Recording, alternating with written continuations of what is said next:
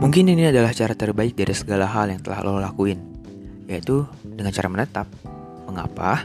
Karena kalau lo pergi gitu aja, perjuangan lo selama ini itu apa? Cuma saya doang. Jangan gila bro. Percaya sama gua, kalau perasaan tuh butuh diperjuangin. Semua butuh prosesnya masing-masing. Jadi lo harus stay sampai tuan rumah bilang bye, baru lo boleh pergi. thank you